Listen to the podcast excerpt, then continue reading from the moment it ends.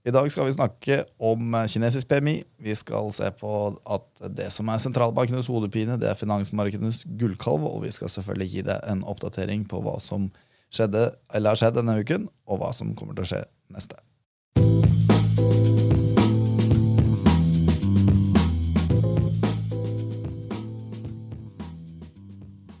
Velkommen til Danske Bankers, podkasten for deg som ønsker å vite hva som skjer i markedet fra uke til uke. Med meg som vanlig så har jeg vår eh, sjefstrateg Christian Ny. Velkommen, Christian. Takk for det. Og jeg heter Fredrik. Hva er det som har skjedd denne uken her, Christian? Denne uken her så har eh, koronaviruset hatt eh, full oppmerksomhet blant medier og investorer. Og det man følger veldig mye med på, det er jo hvordan utviklingen i antall smittede og antall døde utvikler seg. Men kanskje for økonomien og finansmarkedene sin del så er det også knyttet veldig stor spenning til eh, de kineserne som nå er på vei tilbake til eh, arbeidsplassene sine, eh, og i hvilken grad det eventuelt kan føre til en økning i antall tilfeller igjen. Fordi det som er et usikkerhetsmoment for verdensøkonomien, og dermed også for finansmarkedene, det er jo at uh, de tiltakene som uh, er gjennomført blant kinesiske myndigheter, som effektivt egentlig har stengt ned veldig store deler av økonomien Vi ser at flyselskapene ikke reiser i Kina uh, i veldig stor grad, og utenlandske flyselskap har også droppet å fly til Kina. Uh, og det er klart, Alt dette her er med på å redusere den økonomiske aktiviteten, den økonomiske veksten. Og vi vet også at eh, mange bedrifter, uh, både i Europa, USA og andre deler i verden, de er veldig avhengig av kinesiske komponenter, kinesiske innsatsfaktorer, som de bruker til å lage sine egne produkter og uh, løsninger. Og når eh, transporten og produksjonen av disse komponentene og innsatsfaktorene stopper opp eller blir begrensa i veldig stor grad, så gir også det globale ringvirkninger. Men Kristian, du vet jo sikkert at vi har lagd en egen spesialsending om, om dette viruset her i, i Bankers-feeden. Eh, og, og, jeg følger med på disse tallene hver dag. Jeg syns det er underlig at ikke det nå skjønner jeg at man ikke skal få panikk når det oppstår sånne saker som det her, men uh, sammenligna med hvordan SARS var, da, så er det jo helt sinnssyke tall. Altså I dag så er det 65 000 som er smitta av det her. Det er 1384 som er dødd. Det er 7100 som, uh, uh, som har blitt friske igjen. Og det er altså, Hvor mange er det her? Skal vi se på det siste her. Det er 10 500 som er i kritisk condition nå. Mm. Det er ganske heftig. Ja, Det er ingen tvil om at det er uh, heftig, men vi vet også at det er veldig mange som uh, dør av uh, influensa hvert år, og av andre årsaker. Og det er klart, det markedene er opptatt av, det er jo hvilke økonomiske konsekvenser vil det her få. vil dette være noe som blir varig, og som skaper langvarige sår i verdensøkonomien? Eller er det noe som myndighetene gradvis vil få kontroll over, og hvor da den økonomiske aktiviteten vil komme raskt tilbake? Eh, jeg er helt enig med deg at eh, situasjonen i dag er potensielt langt mer alvorlig enn den vi så i 2003, bl.a. fordi kinesisk økonomi eh, i, nå utgjør en langt større andel av verdensøkonomien. Servicesektoren som eh, jo har blitt hardest rammet i Kina, utgjør en langt større del av kinesisk økonomi. Og vi vet generelt at uh, mobiliteten i Kina og mobiliteten inn og ut av Kina er en helt annen i dag enn det den var i 2000 og 2003, med potensielle globale ringvirkninger. Men enn så lenge så er det lite frykt å spore i aksjemarkedet isolert sett. Aksjemarkedet har eh, steget eh, ganske bra så langt i år, spesielt i USA, hvor kursen er opp 4,5 eh, i Europa 3,8 mens Oslo Børs fortsatt er bitte litt ned. Og ikke overraskende så er det jo emerging markets-aksjer som har utviklet seg svakest i år. er ned rundt 1% Men dette er jo likevel ikke det vi kan kalle noen fryktreaksjon. Fryktreaksjonen basert på korona den ser vi i større grad i andre deler av finansmarkedene, nemlig f.eks. i råvaremarkedene, hvor vi har sett at oljeprisen fortsatt er ned 14% så langt i år. Vi har sett at prisene på en del industrimetaller, som f.eks. kobber, hvor Kina står for rundt halvparten av eh, forbruket i verden, også har eh, falt en del på, på disse nyhetene. Og i obligasjonsmarkedet så ser vi også at markedsrentene har falt eh, så langt i år. Og det også er en refleksjon av to ting. Det ene er at enkeltinvestorer de søker trygge havner, f.eks. i trygge statspapirer. Eh, men det reflekterer også en forventning om at f.eks. den amerikanske sentralbanken kan finne på å kutte styringsrenten eh, som et preventivt tiltak mot potensielle negative konsekvenser for amerikansk økonomi fra korona. En annen, eh, en annen, refleksjon av frykt er også det vi ser i den amerikanske dollaren. Eh, dollaren, Den handelsvektede dollaren har steget eh, nesten 3% så langt i år. Og det er kanskje den største trusselen for amerikansk og global økonomi direkte. Det er en sterkere amerikansk dollar som bidrar til å svekke eh, konkurransekraften for den amerikanske eksportsektoren. Og en sterkere dollar bidrar også til å svekke lønnsomheten for de amerikanske selskapene som har omsetning i utlandet. Men bare en liten add-on. for det er greit, Jeg forstår at ikke nødvendigvis akkurat denne bølgen av koronaviruset, eller NKV1, eller hva det heter for noe, eh, kommer til å få de helt store økonomiske konsekvensene. Men det er den tredje av den type virus som har dukket opp på 17 år. Og før det igjen så var det veldig mange år før vi så noe lignende. Og det kan jo godt hende at det er fordi at den medisinske vitenskapen har utviklet seg, at man lettere identifiserer denne typen virus. Men for, dommedagsprofetene da, så er det jo på en måte en vimpel eller et eller annet som sier at ok, det, det, her er faktisk virus som muterer lett, og som smitter mellom mennesker og dyr. Og da kan det godt hende at eh, går vi nå en tid i møte hvor dette vil skje hyppigere, og med større nedslag enn MERS, SARS og uh, dette NCOV-viruset. da. Og i så tilfelle så vil vi jo kunne se større økonomiske konsekvenser. da. Ja, absolutt. Og dette er jo noe som kan forsterkes eh, ytterligere de, de neste årene også, ettersom uh, vi ser en uh, ytterligere urbanisering for eksempel, da, i, i, i verdensøkonomien. Etter stadig flere flytter inn til, bø, inn til, til byene. Uh, nå er det om lag 50 av verdens befolkning som bor i, i byer. Mens det forventes å stige til 70 i, i 2050. og Det betyr jo at slike epidemier og potensielle pandemier eh, helt klart kan få større konsekvenser økonomisk eh, også eh, frem i tid. Men hvis vi ser litt på andre ting som har skjedd i, i finansmarkedene den, den, siste tiden, så er jo noe av det vi har veldig, knyttet veldig stor spenning til da, i forhold til 2020, det er hvordan inntjeningen utvikler seg for, for, for de børsnoterte selskapene. Fordi vi vet jo at i 2019 så var det ingen vekst i selskapsinntjeningen for globale aksjer. Eh, for 2020 så er det forventet eh, nesten 10 eh, inntjeningsvekst. Og fordi at inntjeningsveksten var så dårlig i fjor, kombinert med at kursene steg mye, så betyr det også at det såkalte PE-nivået har steget en del gjennom fjoråret. Faktisk den største økningen i PE siden 2009. Og Det betyr at uh, hvis aksjemarkedet skal ha mer å gå på i år, så må selskapsinntjeningen uh, levere. Og Det man da har sett på først nå, det er jo ikke tall for 2020, de har jo ikke fått det nå, men det har vært uh, knyttet mye oppmerksomhet til kvartalsrapporteringen for fjerde kvartal i fjor, som da er de siste tallene vi har fått inn. Og Fra USA så har tallene gjennomgående vært bedre enn ventet, både på omsetning og inntjening. Og så langt så ser det ut til at man uh, ligger an til rundt 2% positiv inntjeningsvekst i fjerde kvartal, målt da fra fjerde kvartal 2018 til fjerde kvartal 2019.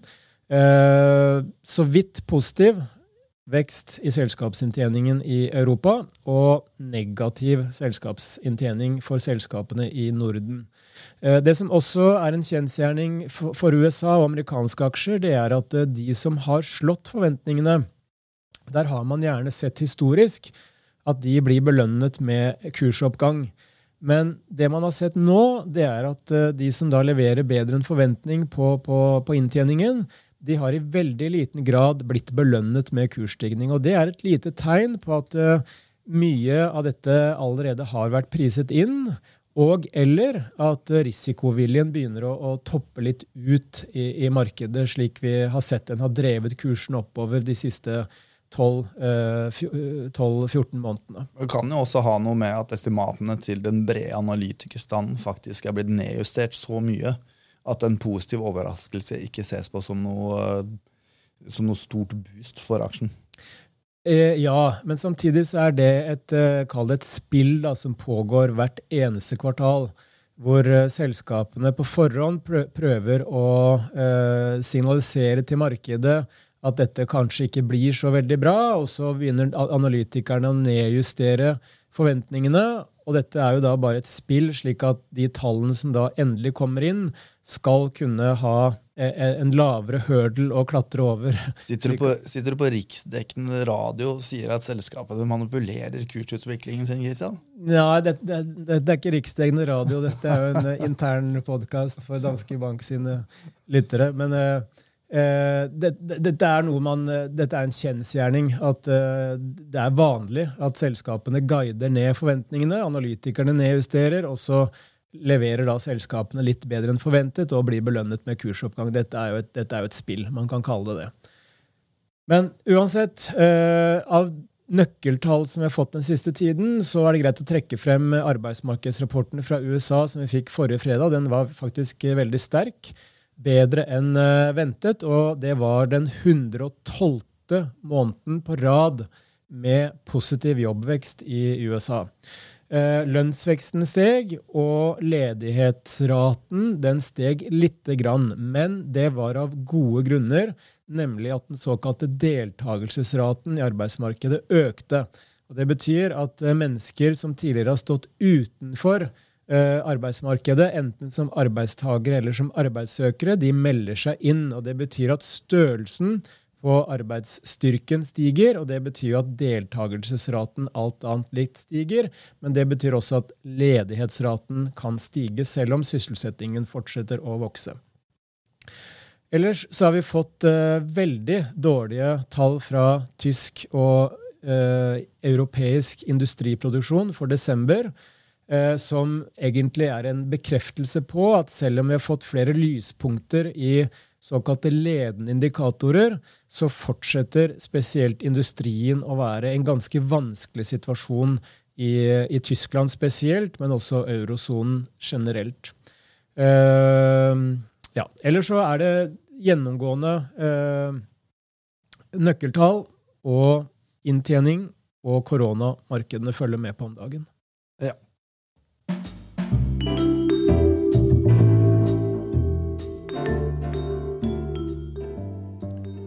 Hva er det vi må følge med på i neste uke, Kristian?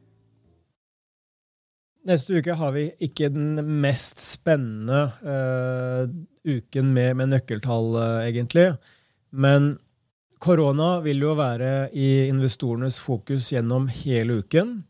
Og det investorene er mest opptatt av, det er det vi kaller den førstederiverte eller andrederiverte i smittetallene. Og det betyr oversatt til uh, hamarsk at man ikke bare ser på endringstakten, men man ser også på endringstakten i endringstakten. For vi vet at endringstakten den vil jo sannsynligvis vise at det blir stadig flere smittede. Men endringstakten i endringstakten har faktisk vært negativ. Det vil si at den prosentvise økningen fra dag til dag med unntak av i forgårs, hvor en ny, ny, metodikk ble innført, har vært avtagende. Og det er noe av det finansmarkedene og aksjemarkedet spesielt har reagert positivt på. Utenom i forgårs, da, for da endra de målingsmetodene sine. Men vi, yes. vi, ønsker å se en negativ dobbeltderivert. Ja, og det som også er litt sånn fun fact, da, relatert til den nye målemetodikken, det var at den ble innført to dager etter at representanter fra Verdens helseorganisasjon reiste til Kina. Sikkert ingen coincidence. Eh, onsdag så får vi referat fra forrige rentemøte hos den amerikanske sentralbanken. Og vi vet jo at eh, den amerikanske sentralbanken, eh, etter å ha eh, senket styringsrenten tre ganger i fjor, i det siste har signalisert at de kommer til å holde styringsrenten uendret. Eh, korona har blitt eh, fremsatt som en potensiell trussel for også amerikansk økonomi i en tale som sentralbanksjefen holdt eh, denne uken her. Og det markedene uansett nå gjør, det er at de priser inn en langt større sannsynlighet for at Fed kommer til å kutte renten mer i løpet av neste tolv månedene. Og hva Fed da sier i dette referatet, kan påvirke de forventningene. Fredag så får vi en lang rekke såkalte PMI-er. Og for alle faste lyttere av danske bankers så vet man jo hvor uendelig glad vi er i disse PMI-ene. Og denne gangen så vil de være veldig spesielle og spennende å følge med på, fordi de for første gang vil reflektere potensiell påvirkning av koronaviruset. Og disse PMI-ene det er jo rett og slett spørreundersøkelser blant innkjøpssjefer og det er klart, de leser like mye nyheter som det vi andre gjør. Og stemningen og forventningene kan helt klart bli påvirket av det som skjer. Vår forventning i utgangspunktet det er jo at vi vil se kraftige fall i spesielt de kinesiske PMI-ene fremover. Men når vi da ser at eh, myndighetene etter hvert får kontroll, forhåpentligvis, så vil den aktiviteten komme raskt tilbake, og at vi potensielt da ser en slags V-formet rekyl i PMI-ene. Dette er det selvsagt delte meninger om, fordi noen, sånn som Fredrik, har jo et litt mer pessimistisk syn på dette her. Og det har kommet enkelte analyser som uh, skriver at dette kommer til å ligne mer på en U-formet rekyl. Det vil si at vi kommer til å ha en lengre periode med svak vekst før den kommer tilbake. Eller de mest pessimistiske tror på en såkalt L-formet utvikling, hvor økonomien kommer til å få en varig smell av det som skjer i forhold til virus og frykt og nedstengning av økonomisk aktivitet. Det høres ut som L ikke er noe vi eh, sikter etter, men det her skal vi i hvert fall følge tett på. Takk skal du ha, Kristian. Jeg skal oppsummere de tre viktigste sakene for uh, neste uke. Jeg skal også ta markedsbevegelse de siste fem dager, men før det så plugger vi litt. Kristian. Uh, uh, de som syns det er spennende å høre hva Kristian sier i den podkasten, de kan også følge han på Twitter, hvor han har et handle som er Det er alfakrøll lie chr. Jeg følger deg ikke, så jeg vet ikke hva jo, det gjør du. Du retweeter jo meg. Ja, det stemmer. Men jeg vil også plugge Er det plugge det heter? Mm. Vi har ikke sånne ord på Hamar, vet du. Nei, nei.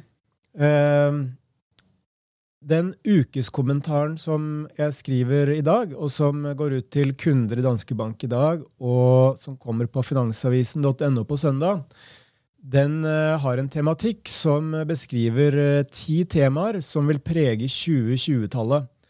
Og nå har jeg skrevet den selv, så jeg skal ikke si at jeg syns det er veldig interessant, men den kan inneholde en del momenter som kan være nyttige og litt kule å lese for enhver.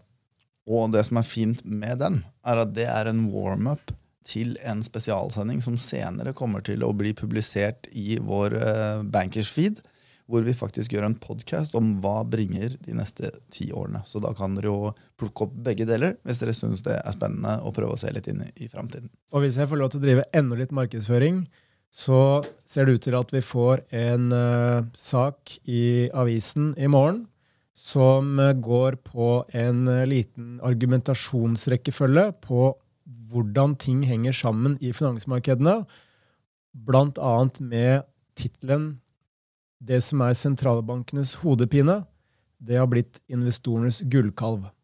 Er det noen andre de har intervjua, eller? Ha-ha. ja, det er bra. Ok. Nå tar jeg markedsbevegelse de siste fem dager. OECBX ned 0,7% SMP 500 opp 0,8% Eurostock 600 opp 1,4% og oljeprisen opp 3% De viktigste sakene i neste uke det er selvfølgelig at vi må følge med på alle tallene vi får på korona. Så får vi et Fed-referat på onsdag klokka åtte, og så får vi PMI-er fra eurosonen på fredag klokken ti. Eh, før, før, vi gir oss, en fun fact. Eh, vet du at eh, antall Google-søk på det som på norsk er oversatt til ølsykdom, har eksplodert på Google Trends? Ja, men Faktisk skriver folk ølsykdom? Yes. Ja, det, er på engelsk. Det er bare skremmende. Korona. Ja, da avslutter vi på den der. Det var alt vi hadde i ukens episode av Danske Bankers. Vi høres.